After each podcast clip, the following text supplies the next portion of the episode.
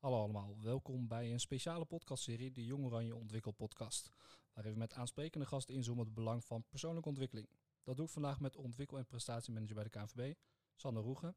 eh, die ook gastspreker was tijdens de online kick-off sessie rondom de lancering van de Jong Oranje Ontwikkeltrajecten. Eh, snel daarvoor vooral ook naar www.wijzijnjongoranje.nl. Eh welkom Sander in de Jong Oranje Ontwikkel podcast. Voor de mensen die nog niet bij de kick-off waren, zou je je willen voorstellen aan de luisteraars en vertellen wat je doet in de sport? Ja, dankjewel uh, voor het uh, hebben van mij, hè, heet dat geloof ik. Ja, mezelf voorstellen. In, de, in jullie zeg maar online bijeenkomst ben ik daarin begonnen met eigenlijk mijn eigen verhaal. Misschien is dat nu voor nu even iets, iets te lang of misschien komen we daar nog wel op. Dus laat ik gelijk even naar de huidige realiteit gaan. Het is zo dat ik in september ben ik ja, in september ben ik drie jaar werkzaam bij de KNVB. En uh, binnen mijn functioneren heb ik eigenlijk drie aandachtsgebieden, zoals ik het zelf altijd noem. Uh, dat is één, de nationale teams. Uh, daarin ben ik verantwoordelijk voor het ontwikkelen van een uh, ja, ontwikkel- en prestatieklimaat. Dus samen met de coaches en de stafleden proberen we een omgeving te creëren waarin nou, de beste spelers en speelsters van Nederland optimaal kunnen presteren.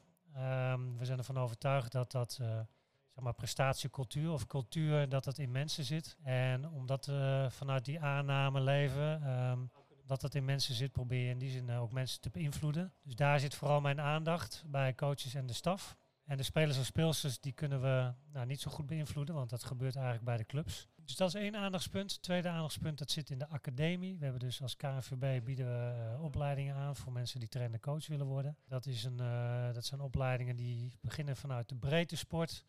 Uh, junioren pupillentrainer onder andere. En als je dan ambitieus bent en het echt leuk vindt, dan kun je doorstromen naar UEFA C, B, A en zelfs UEFA Pro, dat is de hoogste opleiding. En binnen de academie zit, uh, zit mijn aandacht ook uh, eigenlijk, uh, uiteraard ook samen met de collega's van de academie, bij een stukje persoonlijke ontwikkeling. dus zeker in de hogere opleidingen, dus de UEFA Pro en de UEFA A. Daar zetten we ook heel erg in op het, zoals wij dat noemen, het wie ben ik verhaal. Dus we proberen mensen heel erg bewust te maken van te bevragen op wie ben je nou eigenlijk, waar sta je voor? Nou, heb je scherp genoeg wat dat betekent voor de rol die je dan als mens vervult, hè, als, uh, als trainer-coach.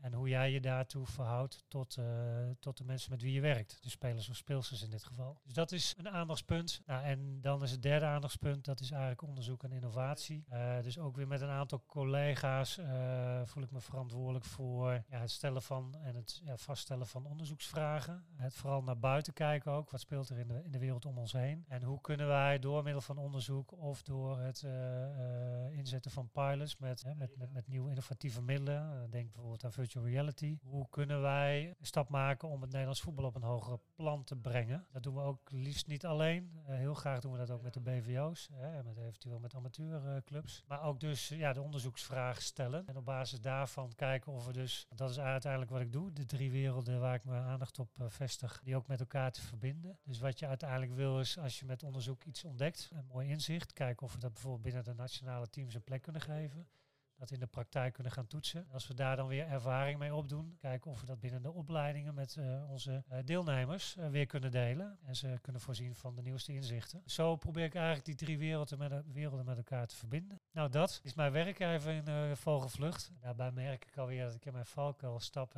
ik word altijd net iets te snel enthousiast over zaken. Ben al wat, wat breedsprakig, dus excuses voor dit. Maar aan jou om mij even te beteugelen, Tanner. Zeker, ga ik doen. En uh, nog een vervolgvraag daarop. Ik was benieuwd of, er, of je een voorbeeld hebt van zo'n innovatie die doorcijpelt naar academie, nationale teams, et cetera. Want het is vaak bij innovatie dat het inderdaad heel vernieuwend is en versnellend. En hoe zorg je ervoor dat dat... Zijn er voorbeelden die helemaal zijn doorgecijpeld tot ver in de KNVB? Ja, nou, uh, ja, je zou dan eigenlijk innovatie eerst nog even moeten definiëren. Maar uh, wat mij betreft is innovatie ook uh, in de eenvoud, zeg maar, dat wat je al doet tegen het licht houden en kijken of je het op een betere manier zou kunnen doen. tot aan nou ja, technologische hoogstandjes en alles daartussen. Maar ik vind zelf wel een mooi voorbeeld dat wij met Jong Oranje zijn we twee jaar geleden een traject gestart uh, met als doel uh, kwalificeren voor het EK. Nou, dat is gelukt. Um, maar in dat traject hebben we met die staf van Jong Oranje heel scherp gekeken naar ook met wie hebben wij nou eigenlijk te maken. We hebben in het voorgaande periode. Hè. Dus we werken vaak in cycli hè, met die nationale teams. Uh, naar aanleiding van de vorige cycli hebben we ook een evaluatie toegepast. Daarin hebben we elkaar bevraagd, uh, maar hebben we ook spelers bevraagd. Een van de dingen die eruit kwam was toch wel dat er een kloof was tussen staf en spelers. Dat we met name spelers niet altijd het idee hadden dat, er, nou, dat we helemaal aangesloten waren op elkaar. Dat in de communicatie, dat in de benaderingswijze, dat de staf daar af en toe wel de plank wat missloeg. Nou, dat hebben we zeker te harte genomen. Dus we hebben toen nagedacht, nou, hoe zouden we dat nou kunnen veranderen en Toen zijn we eigenlijk op het pad gekomen van uh, René Boender. Uh, een onderzoeker die een boek geschreven heeft, Generatie Z. Nou, dat boek hebben we eigenlijk uh, gelezen, tot ons genomen. Waren geïnspireerd en getriggerd door wat daarin stond. Toen hebben we René Boender uitgenodigd, gesproken. Hem meegenomen in ons project en ons, ons plan en de evaluaties en de, de, vragen die we zelf hadden. Uiteindelijk is daaruit voortgekomen dat René een, een, dagdeel met, met de hele staf en met ons de inzichten van de Generatie Z heeft gedeeld. Dus ons meegenomen heeft in hoe staan zij nou eigenlijk in het leven wat vinden ze belangrijk? Hoe communiceer je met ze? Hoe ga je met ze om? Hoe kijken ze naar hiërarchie? Het ging zelfs over geloof. Hè? Hoe komen ze tot een geloof? Dat was uitermate boeiend. Maar met die inzichten hebben we eigenlijk onszelf weer tegen het licht gehouden. En hebben we met name in onze communicatie en benaderingswijze hebben we andere wegen gekozen. Dus dat betekent dat we nu heel veel via WhatsApp doen. Als we groepsbijeenkomsten hadden, hadden we de WhatsApp-sessies. Dus niet meer uh, pontificaal voor een groep staan en zeggen, nou, dit is wat we willen, wat vinden jullie ervan? Nee, door middel van eh, persoonlijke appjes vragen stellen en dus ook via de app antwoord terugkrijgen. En ja, daarin merkten we dat we veel meer input kregen, de betrokkenheid veel groter was. Nou, wedstrijdvoorbereidingen uh, of informatie over als je met elkaar naar een land gaat, werden de filmpjes gemaakt. Die filmpjes worden dan digitaal aangeboden via WhatsApp. Nou, dus, dus zijn echt die koers gaan varen. En ja, ik denk met groot succes. En van daaruit ook weer nou, dat dan delen met uh, deelnemers in de WVA, de WVA Pro. Nou, ik denk dat dat een mooi voorbeeld is. En uh, ja, daarmee dus niet alleen onszelf ons voordeel doen, maar volgens mij als KVB zijn wij er ook voor. Om te informeren, adviseren, te inspireren en, en het voetballandschap te helpen. En nou, uh, de academie is daar een mooi podium voor. Hè, maar zo hebben we ook uh, tweedaagse met alle hoofden jeugdopleiding van de BVO's. Ja, ook daar delen we dit soort inzichten. Dus ik hoop dat dat een mooi voorbeeld is. Ja, dat is zeker een mooi voorbeeld. Ook omdat ik denk dat dat een voorbeeld is die voor, ook voor buiten het voetbal heel erg geldt natuurlijk. Dus de luisteraar zal hem vanuit elke sport wel kunnen, kunnen begrijpen. Uh, Sander, we gaan het vandaag hebben eigenlijk breder dan eigenlijk jouw werk. Het gaat over persoonlijke ja. ontwikkeling en het belang daarvan. Uh, daar heb je in de, in de kick-off natuurlijk al een aardige voorzet voor gedaan. Ik heb veel leuke reacties gehad over dat dat heel inspirerend was. En vandaar ook dat we, dat we vandaag wat langer zitten. Want ja, je gaf eigenlijk daarvoor al aan, ja, het is niet te doen in een kwartier. Um, mijn eerste vraag is eigenlijk wat, heel, heel, breed, wat is voor jou de kern van uh, persoonlijke ontwikkeling en jezelf ontwikkelen? Ja, in alle eenvoud is dat zorgen dat je uit, uh, dat je uit evenwicht uh, raakt. Of uh, uit evenwicht gebracht wordt, laat ik het zo zeggen. Dus ik heb in het verleden iemand ontmoet die wat mij betreft in mijn leven wel een behoorlijke rol heeft gespeeld. Inspirerend iemand, Leo van den Burg. Um, en die zei eigenlijk, je moet geraakt, bewogen of geroerd worden. Um, en ik denk dat dat zo is. Hè. Dus ontwikkeling gaat voor mij eigenlijk ook elke keer, uh, nou, dat is wel een bekend fenomeen, uh, dus buiten je comfortzone. En toen ik, nou niet toen, maar, maar wat ik vaak merk is dat als ik met andere mensen over ontwikkeling praat, dat, dat mensen dat vaak veel te groot maken en te veel omvattend. Voor mij zit ontwikkeling al in het feit dat als ik hier net naartoe loop, hè, naar jou, dat ik al een klein beetje spanning voel. Hè. Dit is mijn tweede podcast. Dat ik al een beetje opgetogen ben over, hey, dit is nieuw, dit is anders. Wat gaat hij me vragen? Wat ga ik zeggen? Uh, kan ik de juiste woorden wel vinden? Dus die onzekerheid, zeg maar, dat onheimische, dat onderbuikgevoel, dat is altijd iets wat ik mezelf voorhoud als, hey, ik ga nu iets doen, of er staat iets te gebeuren, of ik ga iets tegenkomen wat ik nog niet ken, hè, waardoor ik geraakt, bewogen of geroerd word. En dat, dat, dat kun je natuurlijk als heel uh, vervelend uh, ervaren, maar ik heb inmiddels geleerd om dat te omarmen en om het te zien als een signaal van ontwikkeling. Hè. Dus ontwikkeling is voor mij jezelf in een situatie brengen die nieuw is, die anders is. En dat hoeft niet groot te zijn, dat kan in een gesprekje zitten, kan in een presentatie zitten, kan in zijn in het lezen van een boek met nieuwe inzichten. Uh, het kijken van een uh, documentaire. Dus, dus dat.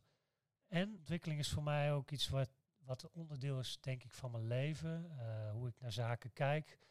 Ik oprecht ook elke ontmoeting zie als een leermoment, hè, als een gelegenheid om je te verwonderen. Ook mijn aannames te bevragen. Dus het, is, zit misschien een beetje in mijn DNA. Ik denk dat het hoort bij wie ik ben. Ik ben altijd nieuwsgierig geweest. Ja, en ontwikkeling maakt wat mij betreft het leven ook rijk. Hè.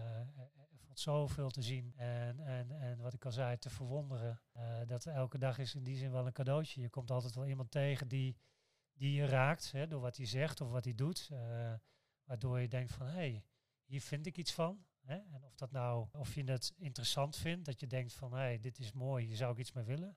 Of dat, je, dat het je irriteert. Het maakt niet uit als je even jezelf bevraagt op wat gebeurt hier met mij en waar komt dat vandaan. Ja, volgens mij is dat al, uh, heet dat al ontwikkeling. En uh, dat houdt nooit op. Dus dat heb ik mezelf voorgenomen. En dat is volgens mij waar het, uh, waar het om zou moeten gaan. Zorg dat je uit evenwicht gebracht wordt. Ja, volgens mij zeg je dat heel mooi. En ik raak zelf al geïnspireerd. Want dat, dat stukje spanning, wat je net zegt, klein of groot, dat herkent denk ik iedereen. En dat, dat herkent iedereen misschien wel als, als toch wel negatief. Vooral ook als je jong in je carrière zit. Ik denk later ook nog wel, maar misschien als je wat jonger ja, bent. nog mag ik er iets op zeggen? Jazeker. Ja? Nou, dus, dus als ik kijk naar mijn eigen ontwikkeling, hè, dus ik, ik, ben opgeleid aan de, aan de ALO, sportdocent. Ik wist eigenlijk gelijk al dat ik geen sportdocent wilde worden. Uh, ik, ik, had me wat blind gestaard op het feit dat die, die opleiding, uh, ik dacht ik ga vier jaar lang sporten. Maar het gaat er natuurlijk om dat je mensen helpt in hun sportieve ontwikkeling en hè, op bewegingsniveau.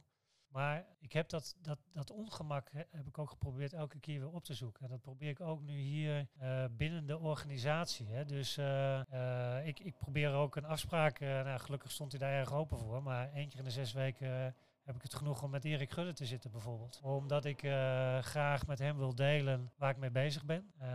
graag met hem wil delen wat ik zie. Ook graag aan hem voor wil leggen wat ik vind wat we daarmee zouden kunnen. en hij hoeft daar niks mee te doen. gelukkig staat hij daar heel erg open voor. Maar dat zijn dingen die ik ook altijd onderweg opgezocht heb om het te toetsen, maar ook, ja, wat ik zei, dat ongemak ook op te zoeken. En als ik een workshop al twee keer heb gegeven, dan ga ik het de derde keer anders doen. Of uh, dan ga ik vragen aan degene aan wie ik hem gegeven heb of met het team. God, ik, ik denk ook nog iets te weten over, nou ja, noem ik een ander onderwerp, visualisatie. Zou het leuk vinden als ik daar iets over vertel? En dan zeggen ze ja, en ik heb nog geen idee. Ze had nog geen idee destijds over, ja, maar hoe ga ik dat dan doen? Soms jezelf even onder druk zetten, uh, een nieuwe deur openen. Ja, dat, daar ben je zelf verantwoordelijk voor. En ik vind dat dat, ja, dat heb ik altijd opgezocht. En nog steeds, dat probeer ik nogmaals ook hier binnen de KNVB te doen. En uh, die, gelukkig voel ik die ruimte hier aan alle kanten. Ja. Wat misschien nog wel interessant uh, is, Sander, om je noemde al wat voorbeelden om, om hier wat voorbeelden aan te hangen in jouw loopbaan, carrière, maar ook ontwikkeling als, als mens en persoon. Wat waren nou cruciale momenten voor jou? En het kunnen ook hele kleine dingen zijn, waarvan jij denkt dat heeft mij uh, nog nieuwsgieriger gemaakt dan ik uh, al was? Ja, misschien is nieuwsgierigheid wel een soort van uh, DNA-technisch ding. Dat zou kunnen, dat, dat, weet ik niet. Maar nou, ik weet het wel, volgens mij kun je het ook ontwikkelen. Dus als ik kijk naar hoe wij proberen de mensen binnen onze opleidingen op te leiden, dan dagen we ze ook uit om nieuwsgierig te zijn, wat ik net al zei. Hè. Dus het is heel ja, eigenlijk als mens is ons brein, werkt eigenlijk, hè, bestaat bij het feit dat we heel makkelijk discrimineren. Hè. Dus we maken iets zwart-wit, daar wordt het leven gemakkelijk van. Daar worden keuzes gemakkelijk van. Maar als je iets je dus raakt, uh, probeer het dan te bevragen. Dat is eigenlijk uh, uh, waar, we, waar we deelnemers toe aanzetten, maar ook waar ik mezelf wel een keer toe aanzet. En ik denk dat dat wel iets is wat in mij zit, de definitie. Maar er zijn wel een paar momenten. Ik, ik noemde net al even Leo van den Burg.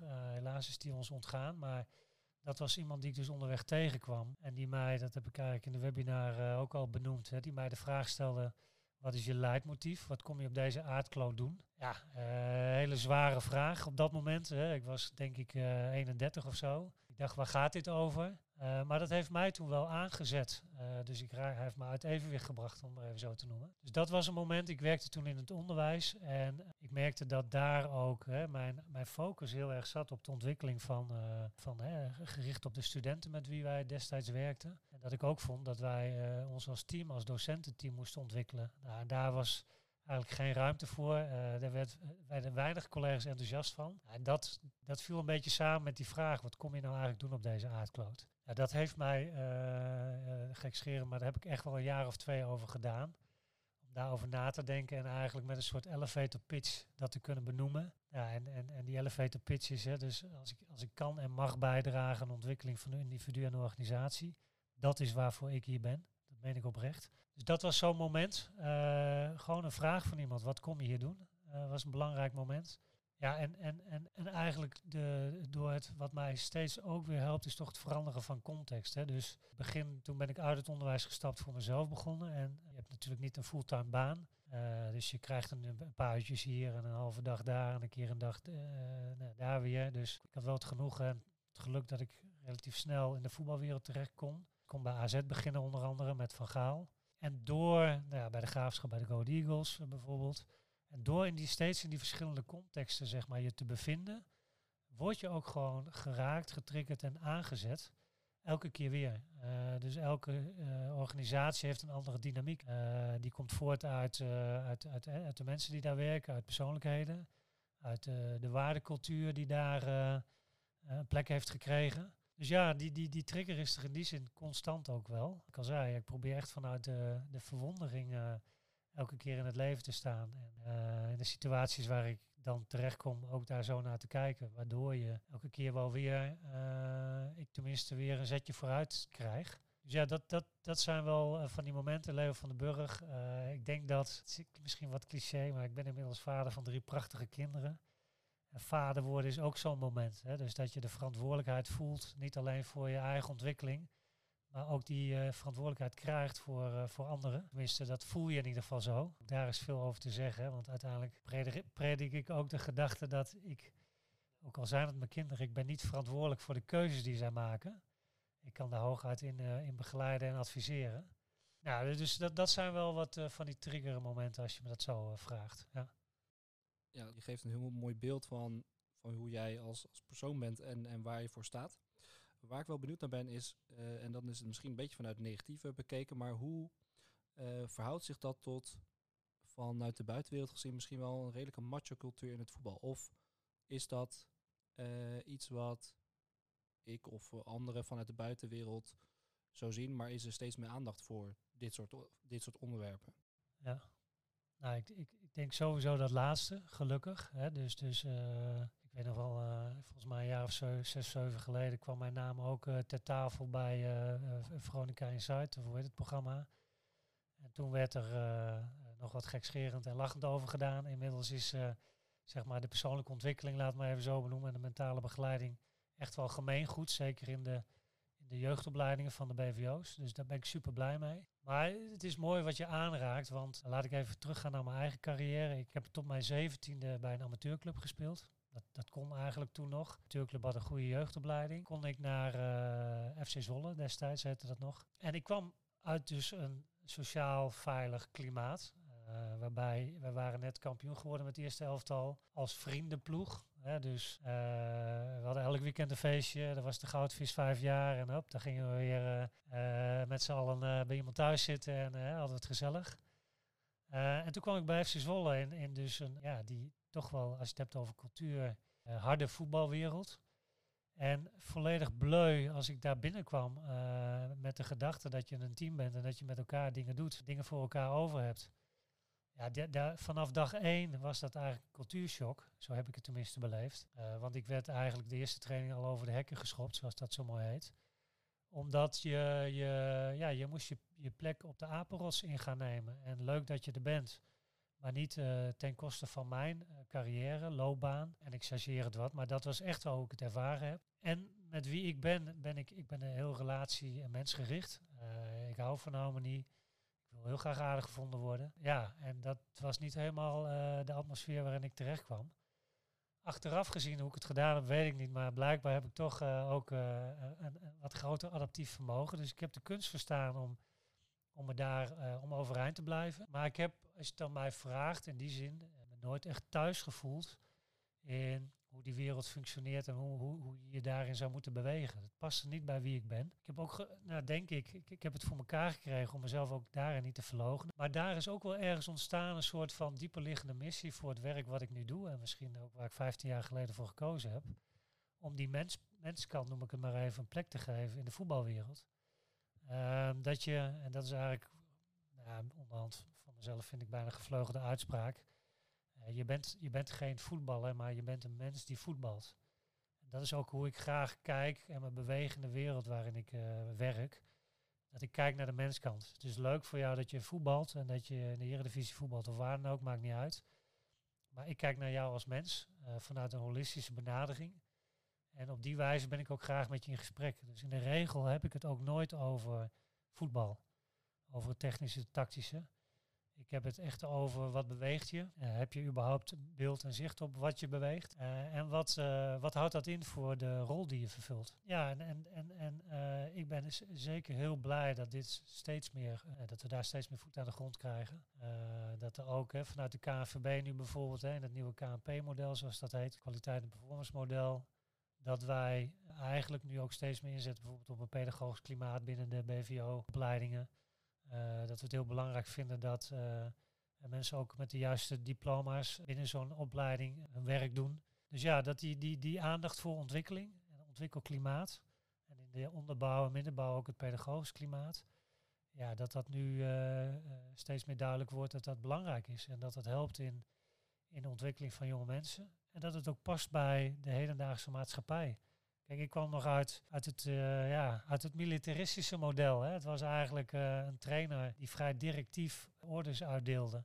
En dat had je gewoon te doen. En dat gesprek met die trainer waarom je ernaast stond of praten over hey, wat kan ik doen om het beter te doen. Ja, dat was eigenlijk nog niet aan de orde. Nog niet, nee. En dat is echt heel erg veranderd. Ja, en ik ben daar blij mee. En nou goed, je hebt natuurlijk ook een buitenwacht die zegt van ja, te veel met fluwele handschoentjes, et cetera, et cetera. Ik zie ook wel een, een beetje een tegenbeweging. Hè. Dus ook ons ook realiseren dat we moeten niet alles regelen en inregelen. Bij PSV gewerkt en daar hebben we op een gegeven moment gezegd, nou we gaan dat vervoer niet allemaal meer uh, uitbesteden. Hier heb je een OV-kaart. Hier is het treinboekje bij de grote jongen. Zorg maar dat je op de club komt. En volgens mij zie je daar ook wel een tegenhanger. Hè. Dus dat uh, zelfregulatie is zo'n item ja, dat krijgt ook weer steeds meer een plek. Dus er komt een goede balans tussen aandacht voor de mens en zelfverantwoordelijkheid in je eigen ontwikkeling. Ja, daarop uh, verdergaand, hoe maak je jeugdspelers eigenaar van hun eigen ontwikkeling in misschien wel een klimaat waarin voor, die, voor die kinderen alles draait om voetbal en redelijk uh, misschien wel een prestatiedruk is? Uh, overleef ik het volgende seizoen? Kan ik bij de BVO blijven volgend jaar? Heb je, daar, heb je daar ten eerste vanuit je rol invloed op? Of, of heb je daar ervaring mee vanuit uh, het werk wat je hiervoor bij de BVO's hebt gedaan? Nou, vanuit de KNVB, wat ik net al zei, proberen we beleidsmatig daar richting aan te geven. En uh, vooral ook onder de aandacht te brengen. Mijn, collega Lois Wijnker is daar heel druk mee. Wat ik al zei, dus we, eisen nu van een hoofdjeugdopleiding hè, dat hij de HO Pro gedaan heeft. En daarin besteden we veel aandacht hè, voor, voor dit soort zaken. Proberen uh, ook uh, tweedaagse met die HO's, daar proberen we dit soort zaken uit te dragen. Dus, dus daarin, dus beleidsmatig en vanuit nou ja, informeren en adviseren, probeer je clubs daarin te helpen. Uh, maar ook in de breedte sport hè, is dat, denk ik, heeft dat grote aandacht. via inzichten van de trainer. dat is een mooi methodiekje waarmee we dit proberen uit te dragen. Maar bij, binnen PSV bijvoorbeeld hebben wij destijds, nou, hadden we uh, ik ben al een aantal jaren weg, dus ik kan alleen maar praten over hoe, we het toen bedacht hadden. Maar daar hadden we ook een soort van methodische lijn hoe we die jeugdspelers eigenlijk eigenaar wilden maken van hun eigen ontwikkelingsproces. En het einde, eindstation daarvan, dat was bij onder 19, hè, of als ze bij jong PSV kwamen, was dat ze hun eigen persoonlijke ontwikkeling uh, min of meer te hand moesten nemen en ook moesten presenteren, twee keer per jaar aan de trainer en zijn staf. En uh, daarbij gaven we ze wel degelijk uh, een soort van handleiding. En dat, ik vond het redelijk bazaal ingericht. Hè. Dus we vonden dat ze op zichzelf moesten reflecteren op vijf thema's. dus technisch, technische vaardigheden, tactisch, hoe speel je het spel? Fysiek, hoe is mijn fysieke ontwikkeling? Mentaal en lifestyle, zoals wij dat noemen. Dus school, voeding, rust, et cetera. En eigenlijk op al die vijf thema's vroegen wij ze dan, en dat leerden we ze dus ook hè, gaandeweg, maar wij vroegen ze eigenlijk bij elk thema vier vragen die aan bod kwamen. Ja, wat, wat, mij, wat mij betreft voor degenen die nu luisteren. Gewoon cruciale vragen om je eigen ontwikkeling tegen het licht te houden. Uh, dus wat gaat er goed? Dat vroegen we ze dan te benoemen. Cruciale vraag is waarom gaat dat goed? Dus kun jij benoemen waarom je uh, zo'n goede laatste man bent? Dat heeft niet, niet alleen te maken met je mooie lange paas uh, of je technische vaardigheid of het feit, dat je duels kan winnen. Het heeft ook te maken met wie je bent als mens. Dat je groot analytisch vermogen hebt of dat je taakgericht bent of dat je vanuit de waarde, trouw en tegen bijvoorbeeld heel goed kunt handelen en daardoor een goed slot, slot op de deur zou kunnen zijn. dus wat gaat er goed? Waarom gaat het goed? Wat zou je graag beter willen doen en wie of wat heb je daarvoor nodig. En door dat eigenlijk constant terug te leggen, maak je jongens heel erg bewust van, ja, van zichzelf. Dat hoopten wij. En we realiseerden ons heel goed dat dat ook niet, dat werkt niet voor iedereen. Hè. Dus daarin hadden we ook uh, ja, differentiatie boden we aan. Een soort van, uh, uh, ja, noem het maar, bronzen versie, zilveren versie en goud. Hè, waarbij goud betekent dat iemand, sommigen zijn met wie ze zijn heel goed in staat om dat zelf vorm te geven. Maar de bronzen variant betekent ook dat je mensen aan de hand mee moet nemen. Ja, en daarin leidend moet zijn. Hè. Dus de, nou, die manier echt teruggeven. Jij hebt een droom, jij wilt graag iets, jij wil graag het eerste van PSV halen. Wij helpen je daarbij. Zo sec als ik het nu schets was het natuurlijk niet, maar dat was wel enorm de teneur. Volgens mij kun je dat zo ook. Ook binnen organisaties. Ik denk dat dit de manier is om mensen te triggeren, uit te dagen en aan te zetten tot ontwikkeling. Of een manier moet ik zeggen. Ja, een, uh, een, een, parallel die ik een beetje wil maken is, je bent natuurlijk betrokken bij de uh, trainer-coaches, de hoogste trainersopleidingen uh, van de KNVB. Uh, en daarbij het stukje persoonlijke ontwikkeling.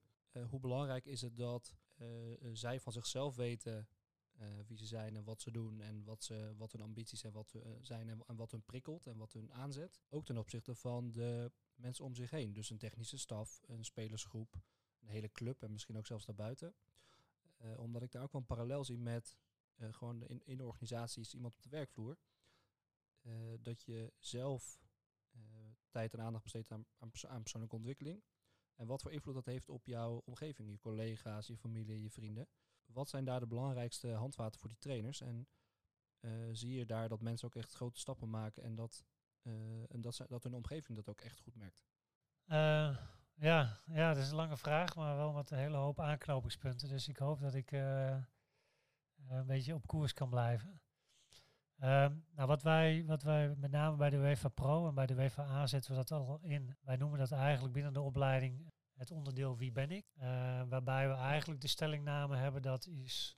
Hè, dus dat, dat, uh, dat je op basis hè, van kennis, zelfkennis en zelfinzicht, hoe meer je dat hebt, hoe beter je bij kunt dragen in je eigen ontwikkeling. Dus, dus, dus zelfkennis is cruciaal om stappen te blijven maken en te weten waar je kwaliteiten zitten want als je dat weet, kun je op basis van die kwaliteit ook betere keuzes maken. Uh, maar ook weten waar tegelijkertijd met de kwaliteit komt ook een valkuil mee. Ook te weten waar je in aangevuld zou kunnen of moeten worden. En dan heb je het vaak inderdaad over het vormgeven van de staf. Ja, dus wij beginnen heel erg bij die wie ben ik vraag. Uh, heb je, weet je wat je fabrieksinstellingen zijn? Dat is eigenlijk wat we ze vaak vragen. En ben je ook bewust dat dat een gelaagd, uh, gelaagd model is? Hè? Dus een van de dingen die we inzetten, dat komt uit het eh, NLP. Het heet het model van Bateson. Uh, dat is denk ik een mooi model om jezelf, hè, als het gaat om zelfkennis, uh, is langs te, langs te leggen. Dus, dus, dus zelfkennis is nodig om te weten hoe jij je verhoudt ten opzichte van anderen. Een andere stellingname is als je, ja, als je niet weet wie je bent en waar je voor staat, ben je ook niet heel goed in staat om bij te dragen aan de ontwikkeling van een ander. dus dat, dat, dat, dat trekken we eigenlijk ook wel bij elkaar. Dus het is een belangrijk onderdeel van, uh, van de opleiding. Ja, dus een, een, een van de kerntaken zelfs, hè, zoals dat zo mooi heet binnen de uh, UEFA Pro, is ook uh, het managen van je begeleidingsteam. En een onderdeel daarvan is ook zorg dragen inderdaad voor de ontwikkeling van de, van de, van de ik noem het maar even, de werknemers in dit geval. Niet helemaal lekker woord. maar van de collega's waar jij mee samenwerkt. Hè. Dus uh, dat is ook waar we op bevragen. Dus wat zijn je overlegmomenten? Uh, hoe zorg je dat je verantwoordelijkheid uh, geeft? hoe zorg je dat je delegeert? Weet je wat je leiderschapsstijl is en hoe dat zich verhoudt en uitwerkt op anderen? Hoe zou je een jaarplanning weg willen zetten waarin je ontwikkeling van je collega's vormgeeft? nou, hoe doe je dat vertrokken vanuit inderdaad je eigen kracht en kwaliteit? Dus dat zijn inderdaad punten die we heel erg belichten, die we super belangrijk vinden. Nou, wat je daarin merkt is ook weer in zo'n deelnemers dat er ook enorme differentiatie zit. Dus eh, tegenwoordig hebben we ook gelukkig uh, de, de, trainers die niet kunnen terugvallen op een hele rijke uh, eigen voetbalcarrière. Hè, dus niet 500 wedstrijden Eredivisie en 200 wedstrijden Nederlands elftal. Maar wel een universitaire of hbo-opleiding. Enorme passie en drive voor het vak voetbalcoach. Ehm, nou, die zie je vaak dat die dit soort kennis al ook als ze HBO hebben gedaan of een wetenschappelijke studie. Uh, je merkt dat in die studies ook al hè, bijvoorbeeld reflectie, evalueren, dat zij, zij zijn dat heel erg gewend. Uh, dus zij kunnen daar ook heel goed mee uit de voeten. Maar we zien dus ook trainers die wel putten uit dat rijke voetbalverleden. ja, die natuurlijk op voetbalinhoud echt wel een voorsprong hebben. maar ook nog nooit in aanraking zijn gekomen met nou ja, die reflectie of introspectie, hè, om het maar even zo te noemen, richting zichzelf. Dus voor hen is dat volledig nieuw. Ja, en daarin zie je dat zij, dat er soms een wereld voor ze open gaat. maar ze het ook heel moeilijk vinden. want een van de, denk ik, vaardigheden om jezelf te ontwikkelen en een ander te helpen te ontwikkelen, is bijvoorbeeld ook gespreksvaardigheden. Dus het formuleren van een goede vraag.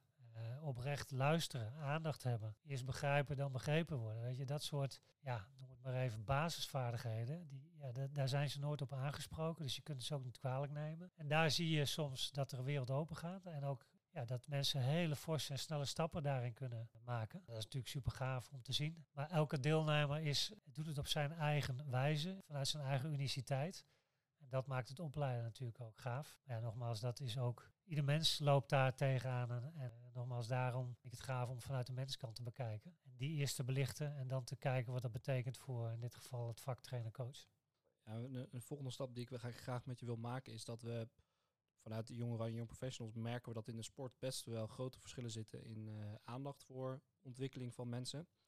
Uh, dat zit aan de ene kant in de CAO, maar ook uh, daadwerkelijk op de werkvloer. Die verschillen zijn er, maar volgens mij gaf je ook in de kick-off aan dat je, en nu ook weer, dat je dat ook heel erg in eigen handen kan nemen. Dus daar zit aan de ene kant een, echt een verantwoordelijkheid voor, nou, voor nu even young professionals, maar eigenlijk alle professionals die werken en in, in, in, in zich in een omgeving begeven. Uh, zou je wat kunnen vertellen hoe organisatie breed ook meer aandacht kan komen voor ontwikkeling? En, of, of zie je dat heel erg bij het individu en de interactie met bijvoorbeeld je leidinggevende of je manager of je directeur? Um, ja, ja je, je, zou dit misschien op, op hè, dat, vanuit drie lagen macro, meso, micro kunnen bekijken. Ik vind in de basis uh, dat je zelf verantwoordelijk bent. Hè, dus dus denk goed na over wat je wil. Ook weer, hè, wat, wat, wat ja, met die mooie, waar, waar sta je van in de fik, weet je? Wat is het wat je binnen je functie of binnen je organisatie, wat je echt gaaf vindt om te doen? En eh, tegelijk al even kort door de bocht, maar als dat er niet is, wees dan zelf verantwoordelijk. Hè? Dus uh, ga niet lopen mokken, maar zorg dat je ja, je nieuwe context vindt. Hè? Dus ga op zoek naar een andere omgeving ja, dat, dat, dat zei ik in de kick-off kick ook al. Hè. Dus niet, word niet de supporter die van alles vindt van het spel, maar heb, zorg dat je op het veld staat en meespeelt.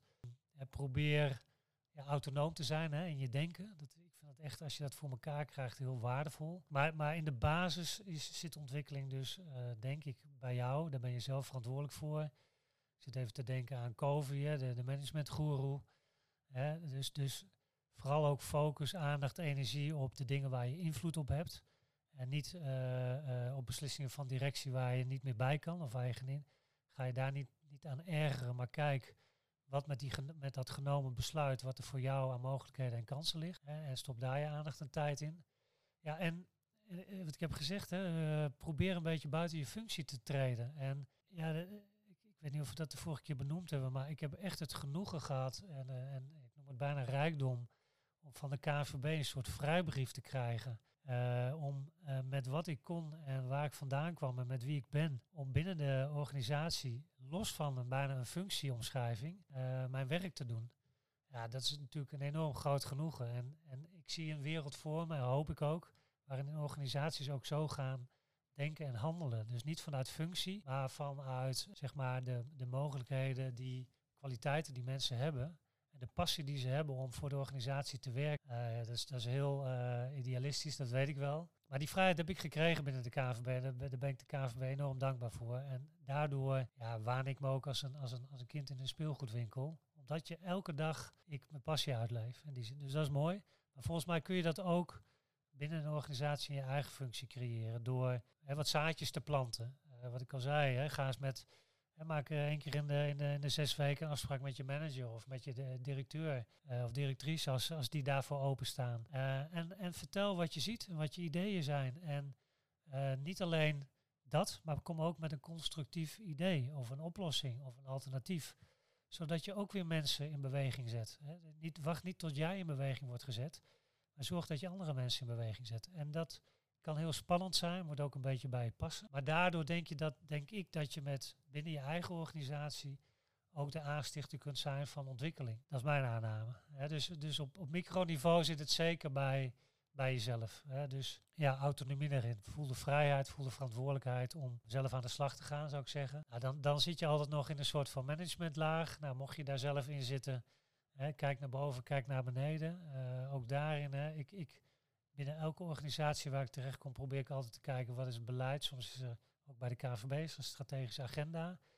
En van daaruit probeer ik ook altijd mijn werkzaamheden in te richten en uh, input te leveren en nieuwe dingen te bedenken en dingen te initiëren. Dus ook dat je uh, in een bredere laag in de organisatie jezelf laat horen en laat zien. En daarmee uh, ja, dingen, dingen aanzet, als dat lukt.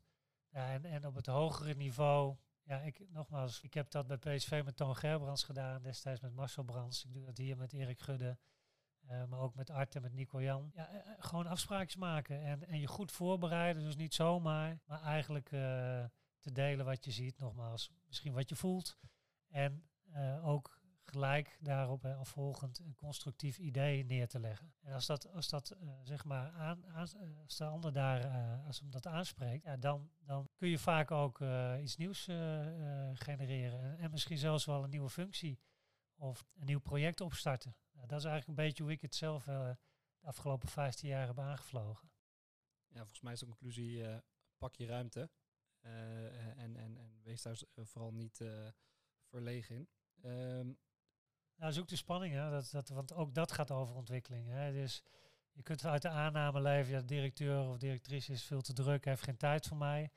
Maar als je het niet probeert, als je het niet aanzwingelt, dan weet je het ook nooit. Hè. Dus laat je niet leiden door aannames. Hè. Als je probeer je aannames te bevragen. Ik denk dat dat ook, dat heb ik onderweg ook geleerd. Ja, assumptions are the mother of all fuck-ups heet het geloof ik. Prachtig uh, iets om in je achterhoofd te houden. Als je het niet weet, bevraag het dan. Hè. Probeer ook de juiste woorden te vinden. Dat is natuurlijk wel belangrijk. Toon die de muziek maakt. Maar ga er gewoon mee aan de slag. Ja. Op de manier die past bij jou. Hè. Dat is ook heel belangrijk. Ja, en uh, tijdens de kick-off liet je dat vallen. Misschien is dat wel een interessante, omdat de buitenwereld daar misschien ook wel een bepaald beeld bij heeft. Je, je hebt natuurlijk met Louis van Gaal gewerkt bij ja. AZ daar zijn ook allerlei aannames uh, over, denk ik. Hoe, hoe, was dat destijds voor jou? Jij, jij zal ook met een bepaald beeld daar naartoe zijn gegaan en een eerste gesprek met hem hebben gehad.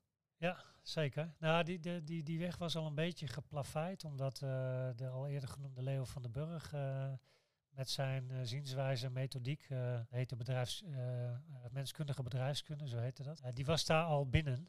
En ja, die menskundige bedrijfskunde was een methodiek die mij heel erg gegrepen heeft destijds. En, en ik heb daar toen een opleiding in gevolgd en was een soort discipel van, uh, van Leo. Dus ik verkondigde dat geloof ook. Daar heb ik ook veel van geleerd. Hè. Ik dacht dat dat ongeveer de weg was. Nou, ik heb geleerd dat er niet één weg is, maar meerdere wegen. Dus uh, dat was hartstikke mooi. Maar Leo was daar al binnen en Van Gaal om, omarmde dat gedachtegoed. Ik al zei uh, zo, net, Leo die is helaas overleden. Dat gebeurde ten tijde van dat hij daar bij AZ werkzaam was. Nou, toen kreeg ik eigenlijk de kans en de gelegenheid om dat gedachtegoed en de werkzaamheden die daar waren ingezet, om dat voort te zetten voor te zetten. Ja, en dat inderdaad uh, met Van Gaal te doen. En de grap was dat uh, die methodiek bestaat, hè, even heel leuk om te vertellen vind ik, hè, maar eigenlijk vanuit twee vertrekpunten gedacht. Je moet doen waar je goed in bent, dat is één. En iedereen deugt, maar de vraag is waarvoor. En om dat te achterhalen, hè, waar ben je goed in en waar deugt iemand voor, was er een, een soort methodiek die maakte dat je persoonlijkheid in kaart bracht of karaktertrek. Dat was eigenlijk wat er ook gebeurd was. Dus de hele staf had een soort van persoonlijkheidsprofielen gemaakt, ook alle spelers. En op die die basis was ik dan ook vooral in gesprek met Van Gaal en zijn staf. Maar op die basis had ik ook al inzicht in uh, eigenlijk het, nou, noem het maar even, al eerder genoemde fabrieksinstellingen van Van Gaal. En dat maakte ook dat, uh, dat je daardoor ook, ik tenminste,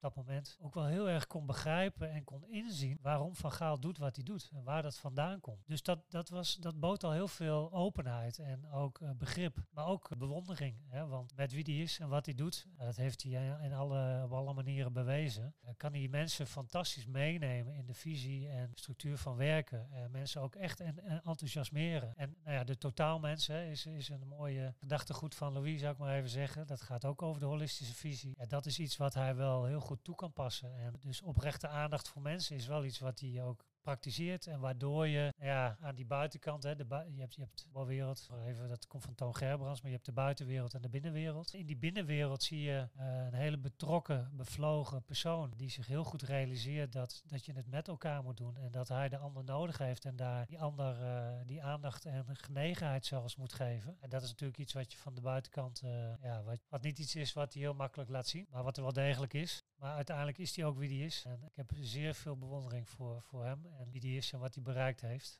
Uh, en dat kan ook omdat hij, hij doet waar hij goed in is. Daar ook geen concessies uh, in doet. Dat is volgens mij, die verplichting heb je naar jezelf toe. Hè. Dus de, word de beste versie van jezelf. Uh, je mag best plagiaten plegen. Hè. Dus als je andere mensen iets ziet doen wat je denkt, wow, kopieer dat en zet dat in. Maar wel op de manier die past bij jou. En ik denk dat dat verhaal, maar ik denk sowieso als het even in de voetbalwereld of in de sportwereld, topcoach nogmaals weet waar hij voor staat, wie die is, wat hij belangrijk vindt, wat zijn principes zijn, misschien wel wat zijn leidmotief is. Weet ook wat hij niet moet doen en hoe hij dat om zich heen goed moet inrichten.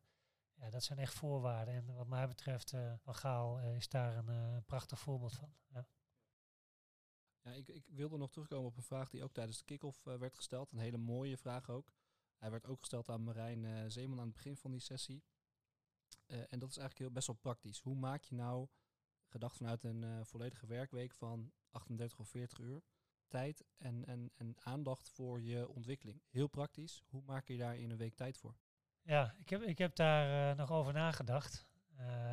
over die vraag. Want ik had, ik, ik had het idee dat ik niet helemaal daar een goed antwoord op had op dat moment. Nieuwe poging, ja. dus ik. Ehm, Laat het eerst even naar mezelf toe halen. Hè. Dus ik weet niet of bewust of onbewust, misschien begin van mijn carrière bewust gedaan, maar ik maak er ook gewoon tijd voor. Alleen al het feit dat ik, ik had er ook voor kunnen kiezen om dit bijvoorbeeld niet te doen. Maar ik zie dit ook als een stukje ontwikkeling. Dus ik heb ervoor gekozen met jou hier te zitten. En doordat jij mij vragen stelt, uh, ja, moet ik nadenken over mijn visie op de vragen die jij hebt. Uh, dat moet ik uitdragen en dat moet ik ook verwoorden. En, en daarmee draag ik in mijn beleving al bij aan mijn eigen ontwikkeling. Dus dit is al een keuze om met ontwikkeling bezig te zijn, wat mij betreft. Maar in mijn werkweek, dat was ook wat nog door mijn hoofd schoot, eigenlijk maak ik gewoon tijd en ruimte voor ontwikkeling. Wat ik standaard doe, is dat ik best wel veel aanvragen krijg van studenten, van mensen die een concept hebben, die een idee hebben, die uh, van gedachten willen wisselen over mijn werkzaamheden, uh, die benieuwd zijn of er een kans voor ze is binnen de KVB. In, in principe zeg ik nergens nee tegen. Dat ik weet dat, dat zo'n ontmoeting me elke keer iets oplevert. Dus, dus dat is eigenlijk ook uh, een soort in mijn, mijn optiek een basisprincipe wat ik probeer te hanteren. Hè. Maak tijd en ruimte vrij voor ontwikkeling. Voor mij zit ontwikkeling in gesprekken. Het, het, doorvragen, het goed luisteren naar anderen. Uh, proberen te achterhalen waar, van waar hun concept, hun idee, waar het vandaan komt, wat erachter zit. Wat ze daarmee willen, hoe ze dat dan zien. Hoe ze denken dat in te kunnen bedden alles wat ik dan krijg is, is, is, pure aanvulling op dat wat ik al weet. En dus ontwikkeling. dus het zit denk ik in mijn manier van werken en ook het vullen van mijn agenda. En ik weet nog dat ik dat toen ik voor mezelf begon, ik ook op zoek was naar hoe moet mijn agenda er dan uitzien en hoe doe ik dat. En ja, dat er een paar dingen ook belangrijk zijn. Hè. Dus uh, gezondheid is ook zo'n ding. Ontwikkeling vind ik belangrijk. Maar als ik niet gezond ben en niet voor, voor mijn eigen wel, welbevinden zorg draag, ja, dan kan ik ook niet ontwikkelen en, en zorg dragen voor een ander. Dus dat is een soort van basisprincipe, dat ik ook twee, drie keer per week gewoon sport. Ik moet voor mezelf zorgen, anders kan ik die ontwikkeling niet vormgeven en kan ik niet de vader zijn die ik wil zijn. En dat heeft ook ontwikkeling, ja, dat is dus, dus keuzes maken in de dingen die je doet en ontwikkeling opzoeken. En daar, ja, agenda technisch denk ik toch gewoon ruimte voor in, in ruimen. En en volgens mij begint het ook bij de vraag, wat is dan voor jou ontwikkeling? Hoe zie je dat? Wat heb je daarvoor nodig? Is dat dan een studie of is dat een gesprek? Is dat een podcast? Want een podcast is ook ontwikkeling. Kan in je auto. Uh, of is het een belletje met een goede vriend, waarin je vriendin, waarin je even wat uh, tegen het licht wil houden. Dus het is net al gezegd, weet je, het zit niet vast aan grootsheid. Het zit niet vast aan een vierjarige studie. Het zit vast aan misschien ook wel dat ene ritje naar huis, waarbij je dat, dat gesprek wat je had even terughaalt, waar je je nagevoel aan over hebt gehouden. En denkt van waar, waar komt dat nare gevoel vandaan? Oh ja, merkte dat ik geraakt ben op het feit dat ik iets niet helemaal goed georganiseerd had, waardoor ik uh, de ander geen recht aan heb gedaan. Ik noem maar wat. Dat, dat kan ik beter doen. Hè, dus de volgende keer kan ik misschien beter voorbereiden. Of daar heb je alweer. Uh, dus ja, niet in grootsheid, kleine dingen, tijd en ruimte vrijmaken, uh, bewust inrichten en, en uh, ja, en ermee invullen. Ja. Ik, ik, ik, ik, deed zelf, ik was vorig jaar te gast in een podcast zelf te gast. En daar, daar haalde ik inderdaad dit precies aan. Volgens mij kan een wandeling van een half uurtje of vrijdagmiddag ook al een moment zijn waarin je even reflecteert op de week. En inderdaad even terughaalt wat, waarvan je vond dat dat nog even moet worden uitgesproken of waar je tegenaan liep. Dus volgens mij is dat een hele mooie conclusie dat, we, dat je het klein moet maken en dat je, klein kan maken in ieder geval. Kan ook groots, maar kan ook heel klein. Ja, misschien, eh, ik zit nog even, sorry, nog even over na te denken. Dat je, kijk, mij, voor mij was wel uh, een cruciaal inzicht uh, in mijn eigen ontwikkeling. Dat, dat was toch wel dat leidmotief. Dus dat je weet, uh, als het gaat om ontwikkeling, is dan helpt het natuurlijk enorm als je weet waar je op moet koersen, om het maar even zo te zeggen. Dus toen ik dat eenmaal scherp had, ja, toen, toen ging ik ook een leiderschapscursus volgen in, in Amerika. Toen ging ik ook een boek lezen over gedragsverandering. Uh, toen ging ik ook uh, de mensen uh, die bezig waren met ontwikkeling in de sport opzoeken en afspraken maken. toen koos ik ook voor om bepaalde dingen af te stoten en juist niet te doen. Dus dat die dieper liggende drive voor jezelf helder zien te krijgen, dat is misschien ook wel, of niet misschien, dat is ook wel cruciaal. Dus weten waar het voor jou om draait, wat waarde biedt en geeft, maakt natuurlijk ook dat je keuzes in je ontwikkeling keuzes voor gesprekken, opleidingen, workshops, boeken, podcasts, veel, veel selecten kunt maken. Dus dat is ook weer uh, ja, wel een essentieel uh, gedachte. Waar doe ik het voor? Waar ben ik op uit? Ja, ja volgens mij heel mooi. En, en, en richting afsluiting uh, nog, nog één, één vraag. Als, als, als de luisteraar deze luistert tenminste, en, en, en kan je volgens mij allerlei punten pakken waar je tips, adviezen geeft, maar ook koppelingen maakt naar modellen en boeken. heb je daar nog iets op toe te voegen qua boodschap. En heb je ook, er zijn natuurlijk, denk honderden, duizenden boeken, artikelen, podcasts over ontwikkeling. Heb je daar een hele kleine selectie van voor ons, zodat we niet zo diep hoeven te graven? Ja, ja, je had me net al gevraagd. En uh, ja, ik, heb, ik heb thuis de boekenkast vol met, ja, eigenlijk met boeken die ja, ik door, zeg maar, door de titel mij getriggerd hebben of geraakt hebben. En, en ja, er zijn de legio en, en ook in een heel breed spectrum. Hè. Dus ik uh, probeer altijd ook breder te kijken dan dat. Um, dus misschien is dat goed om dat nog even toe te voegen. Um, ik weet niet of ik dat vorige keer al benoemd heb, maar wat ik nog wel graag zou willen meegeven. Dat, kijk, ontwikkeling is voor mij ook een soort van gesloten systeem, wat af en toe even moet, ontlucht moet worden. Um, dus zie het als een verwarmingssysteem. Daar, daar, daar wordt water doorheen gepompt.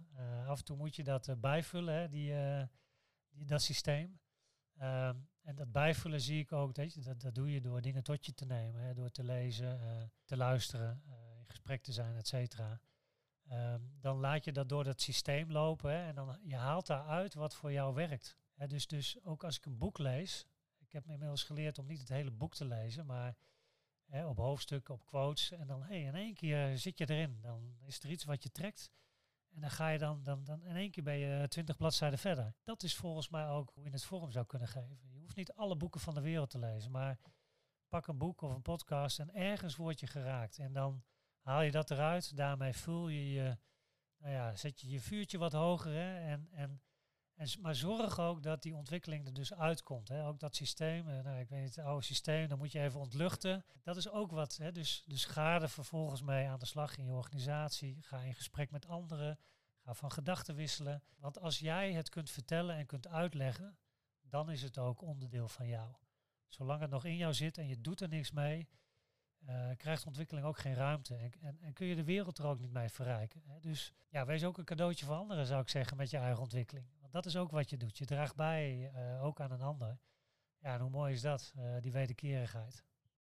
Ja, heel mooi. Uh, Sander, ik wil je heel erg bedanken voor dit mooie, inspirerende gesprek. dat brengt ons alweer aan het einde van deze Jong Oranje Ontwikkelpodcast. De gast was Sander Roege, prestatie- en ontwikkelmanager bij de KNVB. en ben je geïnspireerd door Sander en, en heb je ook vragen? Laat het dan vooral weten. Dan brengen we, in, brengen we je in contact met hem.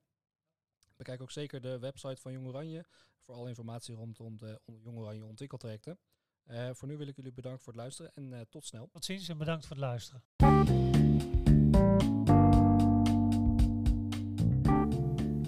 Bedankt voor het luisteren naar de Jong Oranje podcast. Heb je tips voor onderwerpen of gasten of wil je zelf gast zijn in de podcast? Laat het ons vooral weten via jongoranjenetwerk.gmail.com of via de socials van Jong Oranje. Je kan ons vinden op Instagram, Facebook, Twitter en LinkedIn. En vergeet dan ook niet om op het volg- of like-knopje te drukken. Thumbs up voor de young professionals in de sport.